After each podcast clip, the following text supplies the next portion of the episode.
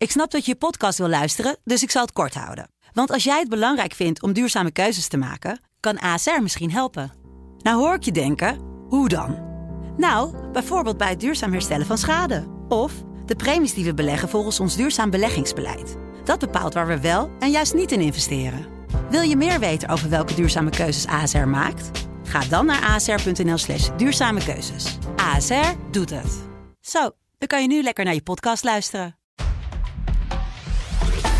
In deze podcast van de Telegraaf elke dag het belangrijkste coronanieuws op een rij. De cijfers en de feiten met thuiswerkers Pim CD en Kamran Oela. Goeiedag, vrijdagavond 17 april 2020, aflevering 32 van onze corona-update. Met vandaag premier Rutte die tempert verwachting over de versoepeling van maatregelen. Het aantal doden in Wuhan ligt toch hoger. En in het Verenigd Koninkrijk lijkt het coronavirus nog altijd zeer actief. Maar eerst de RIVM-cijfers van vandaag door Telegraaf-collega Pim CD.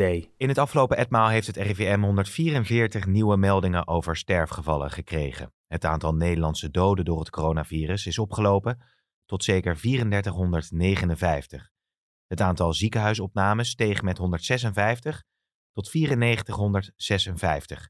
Een deel van de patiënten is weer thuis. Het aantal geregistreerde besmettingen steeg met 1235 tot 30.449.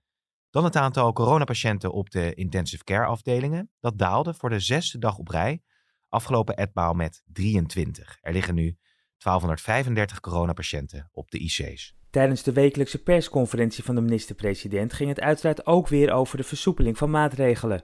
En premier Rutte had een speciale boodschap voor moslims in ons land. Kamran, komende week dan start de Ramadan, de vaste maand voor moslims. En eh, veel gelovigen die breken het vasten, zoals dat heet, in de avond, de iftar met familie en vrienden. Dat is dit jaar niet de bedoeling. Premier Rutte daarover. En ik vraag alle moslims in Nederland uh, om ook dit moment van de dag thuis met het gezin of hoe dan ook door te brengen. Uh, het is echt van groot belang. Hoe moeilijk het ook is, houd je ook tijdens de Ramadan aan de voorschriften. Dan ging het dus ook over de maatregelen. Dinsdag wordt een versoepeling verwacht, maar de premier temperde vast de verwachtingen. Iedereen snakt naar een versoepeling van de maatregelen. Maar gegeven hoe de cijfers zich ontwikkelen, ook vandaag weer een heel aanzienlijk aantal uh, overleden mensen. Helaas, heel triest. Ook weer toch een fors aantal mensen opgenomen in de ziekenhuizen. Uh, de IC-capaciteit neemt, hè, de, uh, de druk op de IC's neemt iets af. Maar er is echt op dit moment nog geen ruimte om ineens te denken dat we volgende week met het oog op 28 april uh, alles kunnen laten vieren. Mogelijk komt er dinsdag ook meer duidelijkheid over evenementen met een vergunning. Die zijn nu tot 1 juni verboden. Een aantal burgemeesters doet nu een oproep aan het kabinet om events als festivals en voetbalwedstrijden tot 1 september te verbieden. Minister Grapperhaus die bevestigde de oproep en zegt dat hij het goed begrijpt, maar wilde niet op de zaken vooruitlopen. De privacy van gebruikers mag niet worden geschaad. Het is vrijwillig, tijdelijk en transparant. Dat zei Mark Rutte over de corona-app. Dit weekend organiseert de overheid een heuse appathon. Daar moet een keuze gemaakt worden uit zeven aanbieders van corona-apps. Die moeten bijvoorbeeld aantonen of je in de buurt bent geweest van een besmet persoon. En wat je moet doen als je coronaverschijnselen hebt. Nou, Rutte erkent dat er een hoop te doen is om de apps. Maar, zo zegt hij, het is echt geen hobby van mij en minister De Jonge om apps te ontwikkelen. Het lijkt nu net of wij morgen willen weten waar iedereen is. Nou, liever niet, duidelijke taal van Rutte. Hij benadrukte dat de app een praktische manier is om het bronnen- en contactonderzoek van de GGD's te ondersteunen. En misschien had u er nog nooit van gehoord, de zogenaamde R-waarde, zeer belangrijk in deze coronacrisis, want de R-waarde zegt iets over hoeveel mensen gemiddeld besmet worden door één besmet persoon. Simpel gezegd, als de R-waarde daalt, dan besmet een coronapatiënt minder anderen. En hier is goed nieuws over, want deze week is gebleken dat de R-waarde in Nederland is gedaald van 2 naar 1. Dat betekent niet dat het virus minder sterk is geworden, legt viroloog Ab Osterhaus uit aan de Telegraaf. Het betekent dat de maatregelen effect hebben. Besmette mensen komen minder met anderen in contact. Meer landen in Europa melden dat de R-waarde daalt. In België naar 0,8 en Duitsland naar 0,7. Volgens Osterhaus kun je daarmee niet concluderen dat die landen het beter onder controle hebben. Het verschil kan hem ook zitten in de manier waarop de R-waarde wordt gemeten. Sinds het coronavirus onder controle is in Wuhan, wordt er hevig over gespeculeerd. Klopt het dodental wel? De Chinese autoriteiten hebben het aantal overleden personen nu flink hoger bijgesteld. Onze China-correspondent Cindy Huiger die vertelt daarover. Wuhan heeft vandaag het dodental fors naar boven bijgesteld. Van 2579 naar 3869 slachtoffers in de virusstad. Dat gaat dus om een stijging van maar liefst 50%. Ook het aantal besmettingen zijn naar boven bijgesteld. Van 50.008 naar 50.033.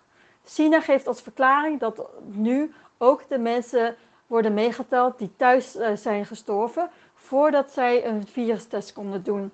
Bovendien zouden in de chaos van de eerste dagen noodziekenhuizen meer bezig zijn geweest met het uh, genezen van mensen dan met het tellen van de doden. En dat is nu met deze correctie ook verbeterd.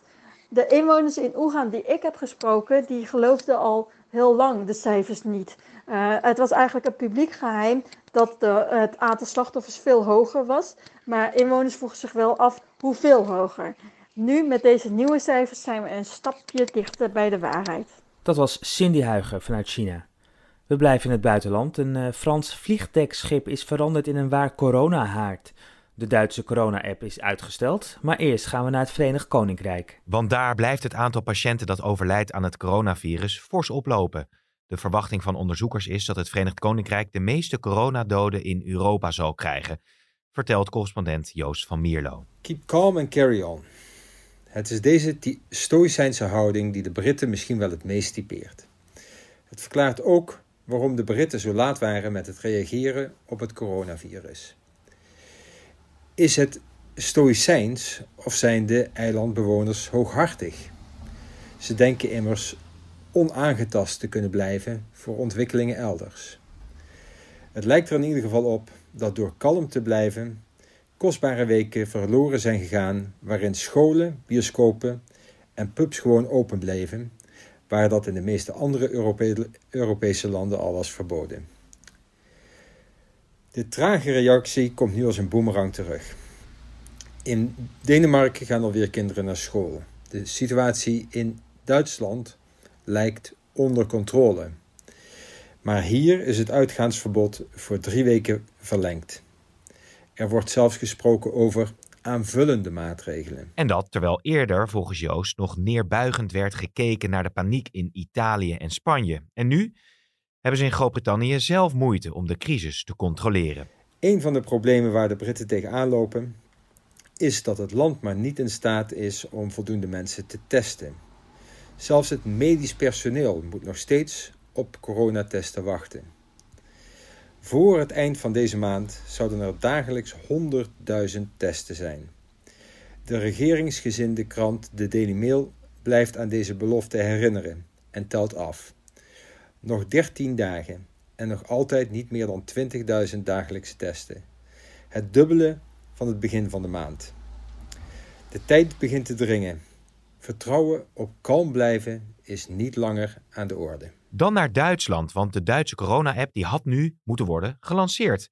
Maar is op zijn vroegst vanaf mei beschikbaar voor alle Duitsers. In Duitsland is net als in Nederland al weken discussie over hoe die app eruit moet zien. Die wordt net als bij ons vrijwillig en de toepassing moet vooral worden gebruikt om snel een contactonderzoek te kunnen uitvoeren. Dan naar een Frans vliegdekschip, want eh, daar is wel duidelijk dat dat contact er is geweest. Meer dan de helft van de geteste bemanningsleden van het vliegdekschip Charles de Gaulle is besmet of besmet geweest met het coronavirus. Het gaat om 1081 van de onderzochte 2010 bemanningsleden. Van hen vertoonden 454 symptomen van de longaandoening en liggen er inmiddels 24 in het ziekenhuis. Bijna 300 bemanningsleden die zijn nog niet getest. Het schip is zondag twee weken eerder dan verwacht de thuishaven van Toulon binnengelopen. Ze waren op 21 januari vertrokken naar het oostelijke Middellandse zeegebied om Franse militaire operaties tegen islamitische militanten in Irak en Syrië te ondersteunen.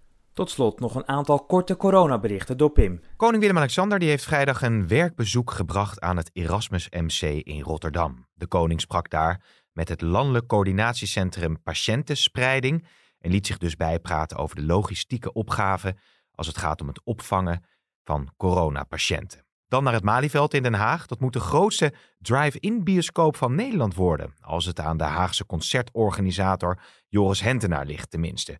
Hij heeft al een plan ingediend bij de gemeente en Staatsbosbeheer, de eigenaar van het bekende veld. Dan uh, naar de Engelse Premier League, want de voetbalclubs daar die blijven op het standpunt staan dat ze het seizoen willen uitspelen. Dat hebben ze deze vrijdag in een gezamenlijk overleg per video besloten. Vooralsnog hebben ze geen voorwaarden gesteld aan de manier waarop dat dan moet gaan gebeuren. Ja, Kamran, en we eindigen in Bunschoten Spakenburg. Een mooi initiatief daar. Familieleden die kunnen met een hoogwerker hun dierbaren bezoeken die in het verpleegtehuis zit. En zo kunnen ze even naar die dierbaren zwaaien of kort een praatje maken. En dat levert echt ontroerende momenten op. De hele video is te zien op telegraaf.nl.